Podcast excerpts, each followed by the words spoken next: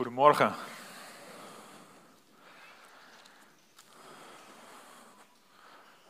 Goed om te zien dat de zaal goed gevuld is. Kan altijd beter natuurlijk. Maar het is niet vanzelfsprekend in deze tijd dat uh, zalen weer vol zijn. Dus ik ben blij dat jullie er zijn.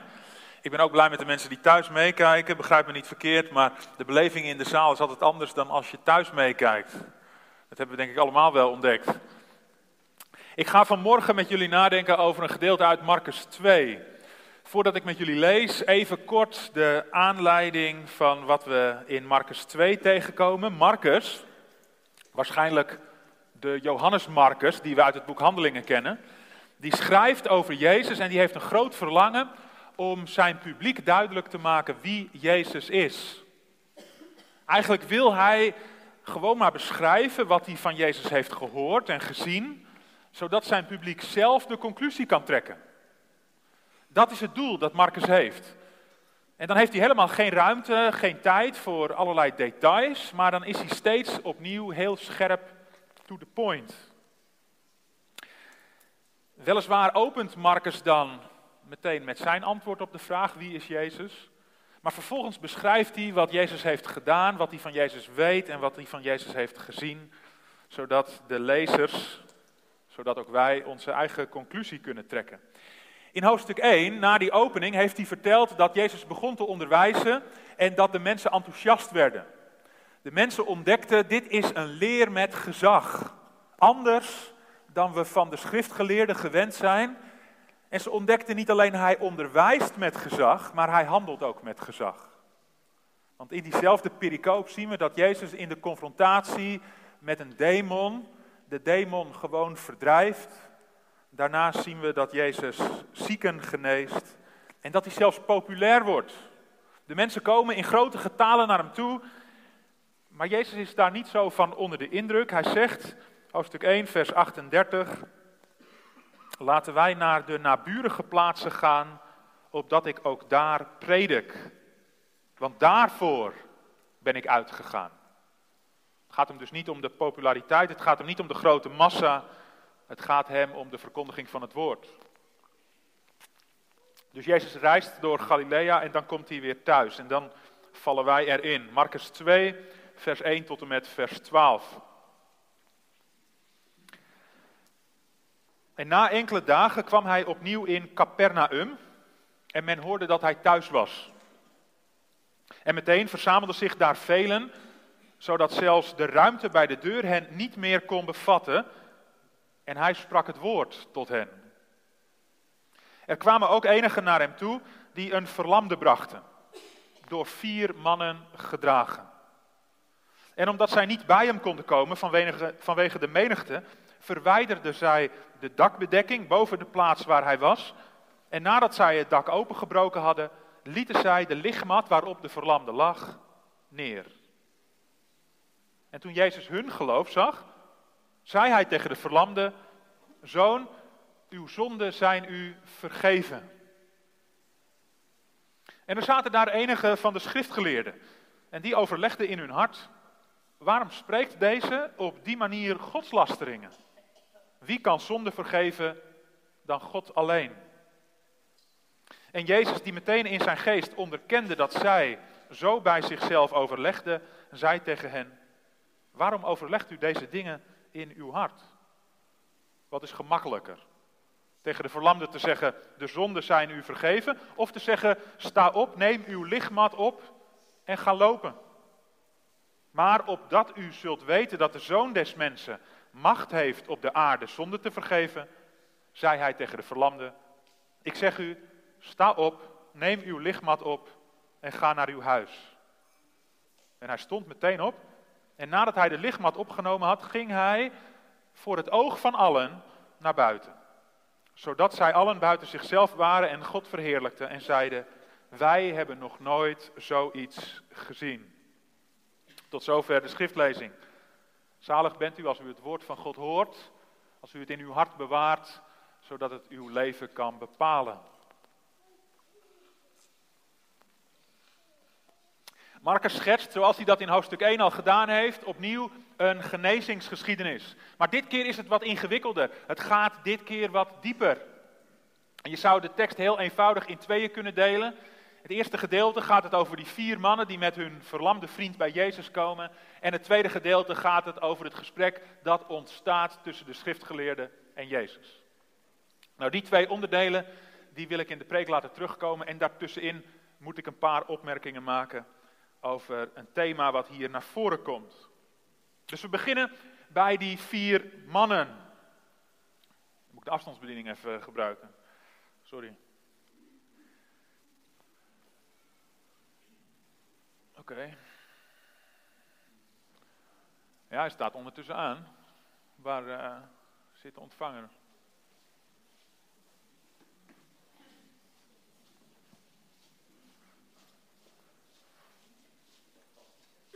De techniek? Oh, kijk. Gewoon, dat is altijd hetzelfde, hè? Gewoon de stekker erin.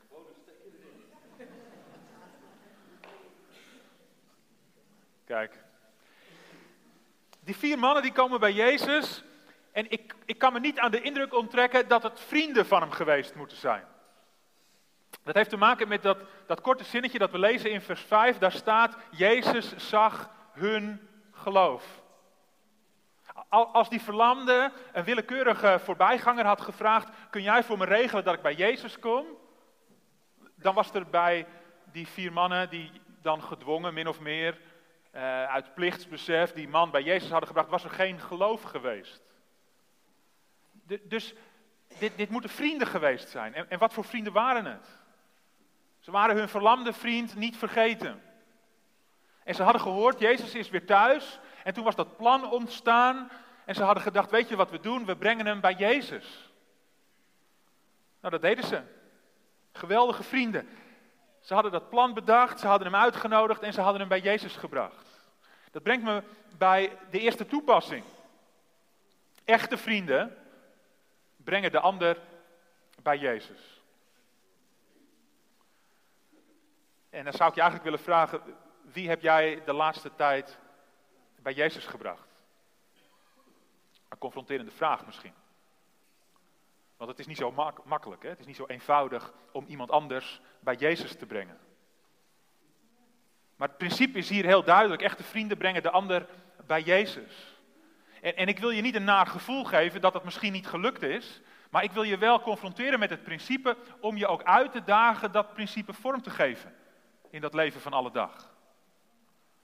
En dan zegt hij, ja maar Gijs, het is zo ingewikkeld. We leven toch in die postmoderne wereld waarin iedereen zegt, ja jij hebt jouw waarheid, maar ik heb mijn waarheid. Nou dat klopt.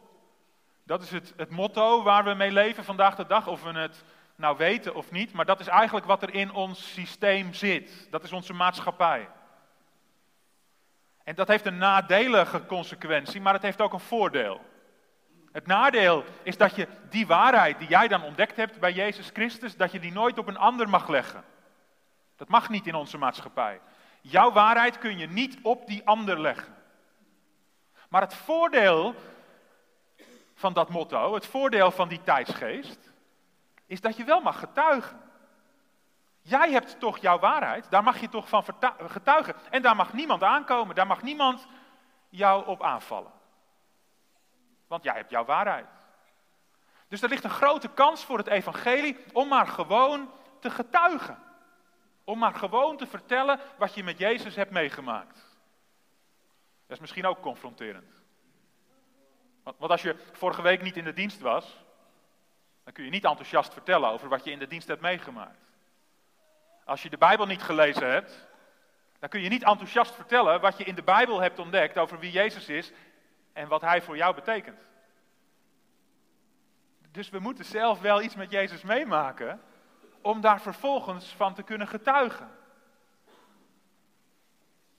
En echte vrienden brengen die ander bij Jezus.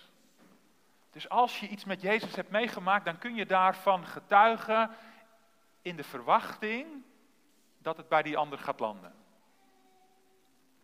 Misschien zeg je wel, en dat ken ik ook, ja weet je, ik heb dat, ik heb dat geprobeerd, maar die ander wil gewoon niet dat ik over Jezus spreek. Dus, dus het houdt op. Nou, dan wil ik je een ander principe aanreiken vanuit datzelfde principe. Dat is een, een principe wat ik al een tijd geleden geleerd heb. Er was iemand die mij onderwees en die zei, weet je, Gijs, als je met je vrienden en je familie niet over Jezus kunt spreken, spreek dan met Jezus over je familie en vrienden. Ik durf te beweren dat velen van jullie begonnen zijn om te bidden voor die vriend. Of voor dat familielid dat Jezus nog niet kent. Maar ik ben bang, als jullie een beetje zijn zoals ik, dat na verloop van tijd dat gebed misschien toch wat is verwaterd. Omdat je misschien geen verhoring, omdat je geen bekering bij die ander gezien hebt. Maar vanuit dat principe van morgen, echte vrienden brengen de ander bij Jezus, wil ik je aansporen om dat gebed weer op te pakken.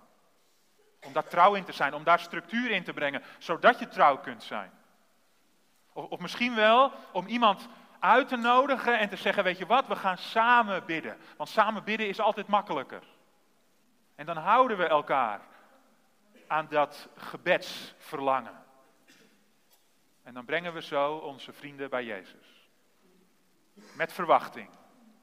Dat, dat zien we hier ook, hè? Die vier mannen die komen met verwachting. Wat, wat zal hun verwachting geweest zijn? Zijn jullie nou allemaal al in slaap gevallen? Wat zou hun verwachting geweest zijn? Ze komen met die verlamden, wat verwachten ze van Jezus? Genezing. Dus als er staat, Jezus zag hun geloof, dan was het helemaal niet het geloof dat Jezus de Zoon van God, de Messias van Israël was. Dat was eenvoudig het, het hele basale geloof. We hebben hier te maken met een man die kan genezen. Maar, maar dat is wel de verwachting die ze hebben. En vanuit die verwachting hebben ze dat plan bedacht. We, we brengen die, die vriend, die brengen we bij Jezus. Maar ja, hoe doen we dat? Weet je wat we doen? We, we maken een draagbaar, of we lenen er een, of we huren er een. Ik weet niet hoe het gegaan is. En, en dan leggen we hem op en dan, dan brengen we hem met z'n vieren bij Jezus. Het leek misschien een goed plan, maar ik kan me voorstellen dat ze nog nauwelijks het huis uit waren. Of toen al dachten, dachten waar zijn we aan begonnen? Het is toch wel pittig om, om iemand mee te nemen. Ook al ben je met z'n vieren. Maar goed, ze hebben dat plan bedacht en ze gaan ervoor. Ze hebben verwachting en ze komen bij dat huis van Jezus. Ja, en daar, daar komen de gevoelens zo op en die botsen met elkaar. Want aan de ene kant is daar de opluchting. Oh Jezus, hij is er nog, hij is nog thuis. Maar tegelijkertijd ontdekken ze, we kunnen het huis niet in. Hij is onbereikbaar. De teleurstelling moet heel groot geweest zijn. Hoe, hoe komen we nu bij Jezus? Dat huis was afgeladen vol en de mensen staan zo te dringen, er kan letterlijk niemand meer bij. Laat staan dat je met z'n vieren even naar binnen loopt terwijl er nog iemand tussen je in hangt. Grote teleurstelling. Ik stel me zo voor dat ze elkaar aangekeken hebben, misschien naar beneden hebben gekeken en gedacht hebben, ja maar we zijn nu zo ver gekomen, dit laten we ons niet meer afpakken. We kunnen dan misschien het huis niet in, maar we kunnen er wel op. Het was gebruikelijk in die tijd dat er gewoon een trap naast dat huis was, omdat een deel van het leven ook op dat dak afspeelde. Dus ze gaan met elkaar die trap op. Zal ook niet gemakkelijk geweest zijn. Hè? Stel je voor, met z'n vieren, met zo'n draagbaar in het midden. Dan moet je dan een, een, een toch wel smalle trap op. Maar ze komen er en eenmaal op dat dak beginnen ze te graven. In sommige vertalingen zie je dat letterlijk terugkomen. Ze moesten door het dak heen graven. Hoe, hoe maakten ze daken? Ze legden daar houten balken op. En dan gooiden ze er aarde overheen. En, en daar groeide dan van alles op. Dan had je een goed dak. En ze beginnen te graven en er moeten een paar van die draagbalken aan de kant, zodat die verlamde er precies doorheen naar beneden kan.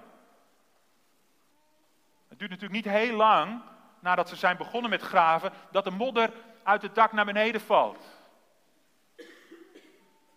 Maar het blijft niet bij modder, dan zakt er ineens die verlamde aan de voeten van Jezus. Nou, dan, dan stijgt de spanning hè, bij die vier. Moet je je voorstellen. Ze, ze hebben gedacht, nu zit onze taak erop, onze verantwoordelijkheid is achter de rug. En nu, nu zijn we klaar, nu hoeft Jezus alleen nog maar dat wonder te doen. En met het zweet nog op het voorhoofd en op de rug horen ze Jezus zeggen, mijn zoon, uw zonden zijn u vergeven. Hè? Zullen ze daar op het dak, gedacht hebben? Zonde vergeven? Maar, maar daar zijn we niet voor gekomen. Daar hebben we onze rug niet voor gebroken. Daarvoor zijn we niet met allerlei acrobatische toeren dat dak op gegaan. Dat hadden we niet verwacht. Ja, eh, echt, echt weerstand bieden kunnen ze natuurlijk niet, want ze snappen met hun achtergrond wel zonder vergeven. Het is niet niks, maar het is niet waar ze op gerekend hadden. Dat brengt me eigenlijk bij de tweede gedachte voor ons vandaag. Misschien herken je dat wel. Dat je bij Jezus gekomen bent en dat Jezus je niet gegeven heeft wat je wel verlangde. Herken je dat? Je had een groot verlangen en je dacht, Jezus gaat het me geven, maar het is niet gekomen. Of nog erger, je bent uitgestapt, je bent naar Jezus toegegaan en in plaats van dat Jezus je bevestigt in wie je bent, hoor je van Jezus dat je een zondaar bent. Ja, maar daar ben ik niet voor gekomen. Ik ben niet gekomen om het te laten beledigen. Vandaag de dag horen we alleen maar, helaas tegenwoordig ook in steeds meer kerken, dat het toch vooral zo is dat je goed bent zoals je bent. Dat het niet uitmaakt wat je doet. Je mag er zijn. En dat wordt zo groot, dat als we bij Jezus komen en ook maar iets horen over zonde, dat we terugschrikken. Dat we beledigd afhaken. Dat willen we niet horen. Maar dat is wat Jezus presenteert. En misschien ben je afgehaakt omdat je niet hebt gekregen wat je wel verlangde. Misschien ben je afgehaakt omdat je beledigd bent door de gedachte dat er wel iets met jou mis is. Dat het niet goed is zoals je bent. Dat je niet maar kunt doen waar je zin in hebt. Maar als je afgehaakt bent, dan mis je datgene wat Jezus je geven wil. Want ja, Jezus presenteert wel dat je vergeving nodig hebt, dat je dus een zondaar bent. Maar hij wil het je ook geven. Het wonderlijke in deze situatie, die man die daar aan de voeten van Jezus wordt neergelegd, die komt natuurlijk om genezing, maar hij krijgt iets wat daar ver bovenuit gaat. Als je Jezus links laat liggen, omdat je niet hebt ontvangen wat je wel zou willen ontvangen, dan heb je misschien nog niet gezien dat Hij je wilde geven wat ver uitgaat boven datgene wat je aan verlangens in je hart hebt. En dan wil ik je vanmorgen maar gewoon uitnodigen. Dan wil ik je uitnodigen als je misschien bent afgehaakt, als je teleurgesteld bent. Of als je nog nooit de moed hebt gehad om die stap naar Jezus toe te zetten. Kom naar Hem toe. Luister naar wat Hij zegt en ontvang de vergeving die alleen Hij kan geven. Want daarin ontvang je zoveel meer dan je in deze wereld ooit zou kunnen vinden. Je mag komen bij Jezus. En Hij geeft je iets wat niet leuk is voor het leven hier en nu, maar wat rijkdom is voor het leven tot in eeuwigheid. Er werd net geciteerd over wat heb je eraan dat je je leven wint. Wat heb je er nou aan dat je je gezondheid wint? En dan leef je misschien 70, 80, 90 jaar en dan sterf je en dan kom je voor God. Maar je hebt geen vergeving ontvangen. Wat heb je dan aan die 80, 90 jaar gehad? De man die als verlamde aan de voeten van Jezus werd neergelegd, ontving vergeving. En daarin ontving hij meer dan hij ooit had kunnen denken. Velen van jullie hebben de vergeving ontvangen. Weet je wat de valkuil is? Als je het ontvangen hebt en het is misschien al in het verleden geweest, dat je er eigenlijk helemaal niet meer van onder de indruk bent. Dat je nauwelijks nog dankbaar bent voor wat Jezus voor jou heeft gedaan. En hier in Marcus 2 hebben we nog nauwelijks in beeld wat Jezus dan gedaan heeft. Nee, dat komt later, als hij aan dat kruis sterft. Maar het kan zomaar van, vanzelfsprekend geworden zijn in ons denken. Ja, Jezus heeft ons vergeven. Ik wil je uitnodigen en uitdagen. Als je het misschien lang geleden hebt ontvangen, om er opnieuw naar terug te gaan. Om als het ware aan, dat, aan de voet van dat kruis stil te staan en je opnieuw te realiseren wat Jezus voor jou heeft gedaan. Zodat het niet als vanzelfsprekendheid, maar zodat het weer nieuw voor je is.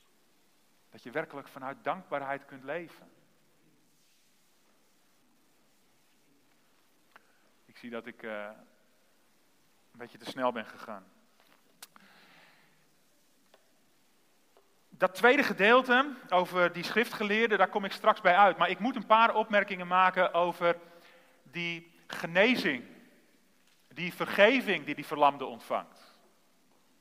Het lijkt erop, die, die, die verlamde komt om genezing, maar Jezus schenkt vergeving. En het lijkt er dus op dat er een relatie ligt, dat er door Jezus een relatie gelegd wordt tussen de ziekte van deze man en zijn zonde.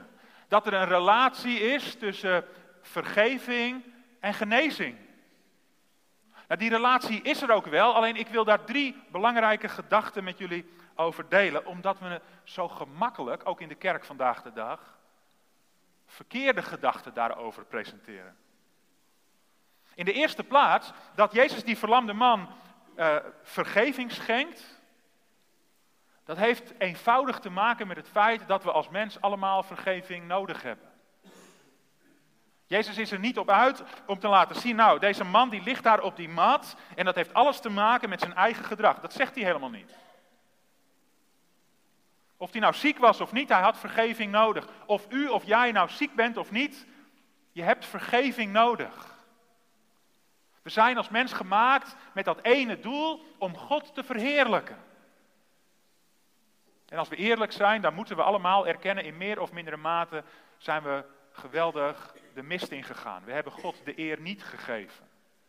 Niet Hij staat centraal in ons leven, maar wij. Dus we hebben vergeving nodig. We kunnen niet voldoen aan dat oorspronkelijke doel waarvoor we zijn gemaakt. En als we ons doel niet bereiken, dan noemt de Bijbel dat zonde. We zijn dus zondaars. En dus hebben we allemaal vergeving nodig.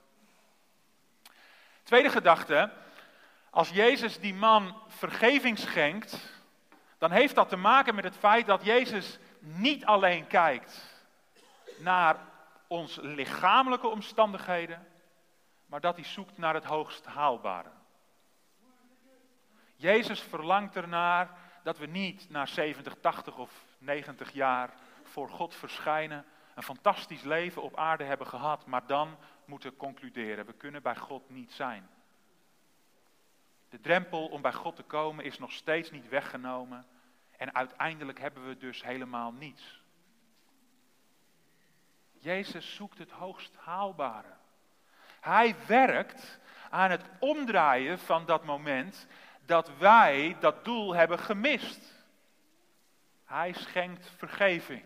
Daar is Jezus op uit. Niet alleen voor die verlamden, maar voor ons allemaal. En dan de derde gedachte. Het lijkt wel door Jezus een relatie gelegd te worden tussen zonde en ziekte. Maar, maar, heel direct kan die relatie niet zijn, want die verlamde die ligt daar en die heeft te horen gekregen, je zonden zijn je vergeven, maar hij ligt er nog steeds.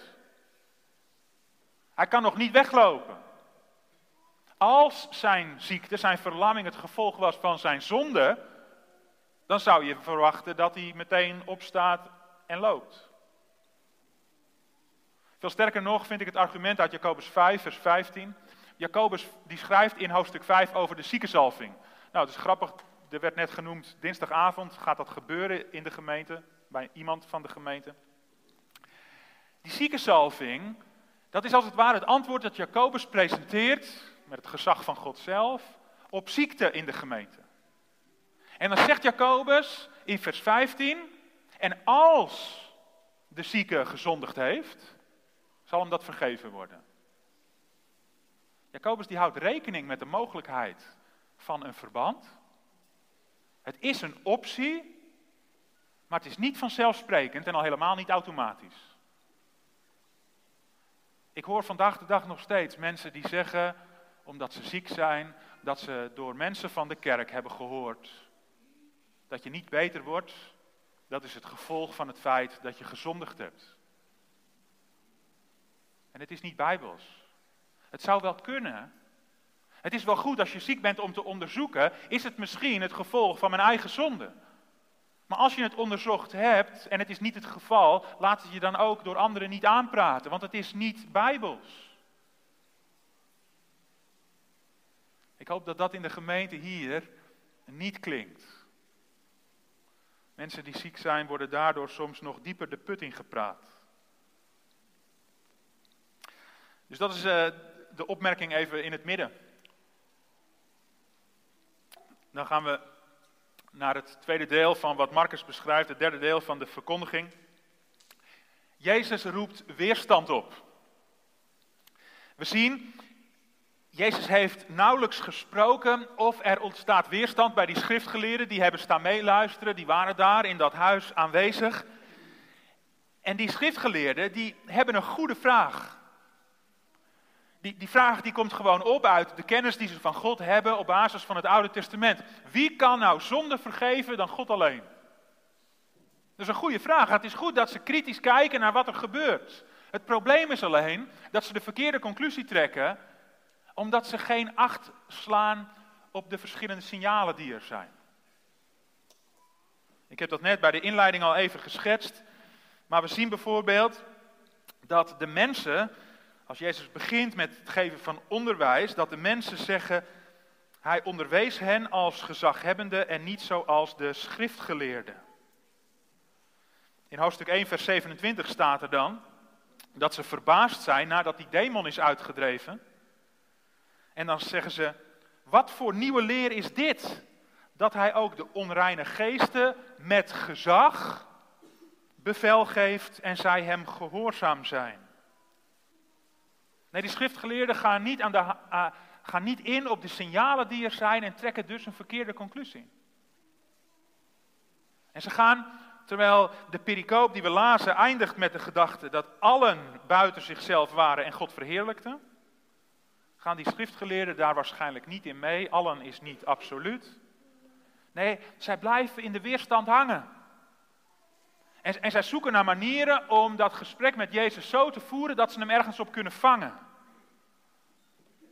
Je ziet dat als je verder kijkt in hoofdstuk 2, want na de pericoop die wij lazen gaat het over Jezus die omgang heeft met Levi, de tollenaar. Hij gaat notabene bij hem eten. En, dat is toch niet normaal, dat kan toch niet? Daarna volgt er een discussie over het vasten. De leerlingen van Jezus vasten niet, terwijl de schriftgeleerden en de fariseeën dat twee keer in de week deden. En, en, en dan zien we twee keer een discussie ontstaan over de Sabbat die leerlingen van Jezus, die, die, die, die gaan die korenaren fijn malen, zodat ze wat te eten hebben. Notabene op de Sabbat. En daarna zien we dat Jezus iemand geneest op de Sabbat. En vanuit de weerstand zijn het de geestelijke leiders die daar steeds opnieuw tegen ingaan. Want ze zijn geprikkeld door de gedachte wat Jezus hier doet is godslastering. Godslastering. Dat blijft Jezus achtervolgen. Want in Marcus 14, vers 46, waar het hier voor het eerst tot een confrontatie komt tussen Jezus en de geestelijke leiders, eindigt het met een confrontatie waar ook godslastering genoemd wordt. De hoge priester zegt in Marcus 14, vers 64, u hebt de godslastering gehoord. En dan vraagt hij aan de Joodse raad, wat is uw mening? En zij allen oordeelden over hem dat hij schuldig was en de dood verdiende. Die geestelijke leiders, die hebben wel een goede vraag. Ze hebben wel goede informatie. Maar ze pakken niet alle gegevens en komen dus tot een verkeerde conclusie. Dat is een grote valkuil voor ons vandaag. Als je al langere tijd met de Heer onderweg bent, dan kan je gemakkelijk een deel van de informatie gebruiken en daar je hele godsbeeld op baseren. Maar dan creëer je wel een karikatuur van wie God is. Zien we gebeuren, hè? Dat zien we gebeuren in bepaalde hoeken van de kerk. Dan zien we dat mensen zo de nadruk leggen op het feit dat God rechtvaardig is. Dat God rechtvaardigheid eist van ons. En dat betekent eigenlijk, dat dat wordt zo ver doorgevoerd, dat als je daar zou getuigen dat je kind van God geworden bent, dat het eenvoudig als leugen aan de kant geschoven wordt. Dat kan niet. In ieder geval niet voor jou een karikatuur van God gemaakt. In andere kringen zien we precies het tegenovergestelde gebeuren. Er zijn er mensen zo vol over de liefde van God. God is zo liefdevol en zo genadig. Als je daar beweert dat je in je persoonlijk gebed vraagt om vergeving van datgene wat je de afgelopen week verkeerd gedaan hebt, dat ze je gaan onderwijzen dat dat helemaal niet nodig is om om vergeving te vragen.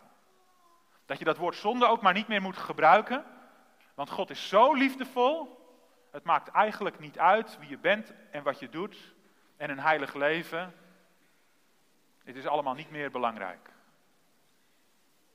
Als we een deel van de gegevens nemen, dan creëren we een karikatuur van wie God is. En dan gaat het mis. En misschien is het voor ervaren gelovigen, voor geestelijk leiders in het bijzonder wel een grote valkuil. We weten immers hoe het zit. En op basis van goede informatie trekken we toch de verkeerde conclusie. Wat we kunnen doen om dat te voorkomen, is dat we niet met een deel van de informatie aan de haal gaan. Dat we niet een, een, deel van de teksten die we ontdekken in de Bijbel ons toe gaan eigenen, maar dat we de hele Bijbel lezen. Dat we onderzoeken wat er in die hele Bijbel, in al die 66 boeken over God gezegd wordt. En dan zien we ook dat er, dat er niet een scheiding ligt tussen Oude en Nieuwe Testament, zoals sommige mensen dat soms zeggen. Alsof de God van het Oude Testament een verschrikkelijke God zou zijn, die woedend is. En de, en de God van het Nieuwe Testament alleen maar liefde is. Nee, nee, we zien daarin dat het gewoon dezelfde God is. En we zien de, de verschrikkelijke dingen, bijvoorbeeld de dood van die twee zonen van Aaron. Als die uh, enorme hoeveelheid aan informatie over de tabernakel eindelijk is gegeven en die tabernakel is gebouwd. Die, die twee zonen van Aaron die sterven omdat ze zich er niet aan gehouden hebben. Dat zien we bijna precies hetzelfde terugkeren in het Nieuwe Testament. Als eh, Ananias en Safira denken, weet je wat we doen? We verkopen de, de, de, de grond die we hebben. Eh, we willen niet alles weggeven, maar we houden een deel voor onszelf. Maar we zeggen toch dat we alles geven. Dan is net de kerk gesticht. En ook zij sterven. En de genade, de liefde net zo goed. Dat volk van God, dat, dat uit Egypte wordt bevrijd, dat wordt niet bevrijd omdat het in Egypte de enige ware God heeft aanbeden. Het is genade dat ze worden bevrijd. Ze hadden het helemaal niet verdiend. De verlossing en de genade is in het Oude Testament net zo goed als aanwezig als in het Nieuwe Testament. En die, die God die toornig is, die is ook in het Nieuwe Testament nog steeds toornig over de zonde. Omdat het mensen kapot maakt. Want God is één God. Je kunt niet lief hebben zonder dat je boos bent. Toch? Kijk even naar je eigen leven. Als je ergens werkelijk van houdt, dan strijd je daar toch voor? Als je werkelijk van mensen houdt, dan wil je ze toch beschermen? En dan ben je dus ook boos over mensen die daar iets tegen in te brengen hebben. Antwoord op deze valkuil is dat we de Bijbel in zijn geheel lezen en tot ons nemen. Maar we moeten het gaan afronden. Die, die verlamde die ligt nog steeds op zijn matje. En in het gesprek dat Jezus met die schriftgeleerde heeft, richt hij zich toch nog weer tot die verlamde. En dan komt hij een beetje met een gekke gedachte. Dan zegt hij tegen die schriftgeleerde, wat is nou moeilijker om te zeggen? Is het moeilijker om te zeggen, nou sta op en loop, of is het moeilijker om te zeggen, je zonden zijn je vergeven? Wij zijn geneigd om te zeggen dat laatste is moeilijker, je zonden zijn je vergeven. Maar Jezus redeneert net even anders. Hij redeneert vanuit de gedachte, ik zou het makkelijk kunnen zeggen, want het valt toch niet te controleren. Als ik zou zeggen sta op en loop, dan is het voor iedereen zichtbaar. En dan zegt hij, om te laten zien dat de mensen zo'n macht heeft om op aarde zonde te vergeven, sta op en loop. De verlamde staat op. En wat lezen we? Vers 12. Nadat hij de lichtmat opgenomen had, ging hij voor het oog van allen naar buiten. Wat Jezus zegt valt door iedereen te controleren. Sta op en loop. Jezus blijkt met gezag, met macht te hebben gesproken, want de mensenzoon heeft macht om zonde te vergeven. De gedachte die Jezus hier presenteert is, als ik in staat ben om het een te doen, dan ben ik ook in staat om het ander te doen. Het is misschien nog steeds niet zichtbaar. Je kunt nog steeds niet zien dat de zonden vergeven zijn. Maar op basis van wat je wel gezien hebt, is dit de logische conclusie. Beste mensen, Jezus, de mensenzoon, heeft macht om op aarde zonde te vergeven. En hij zoekt voor ons allemaal het hoogst haalbare. Je bent welkom. Je mag komen. Houd de zonde niet voor hem verborgen, maar geef je aan hem over. Want de mensenzoon heeft macht. Amen.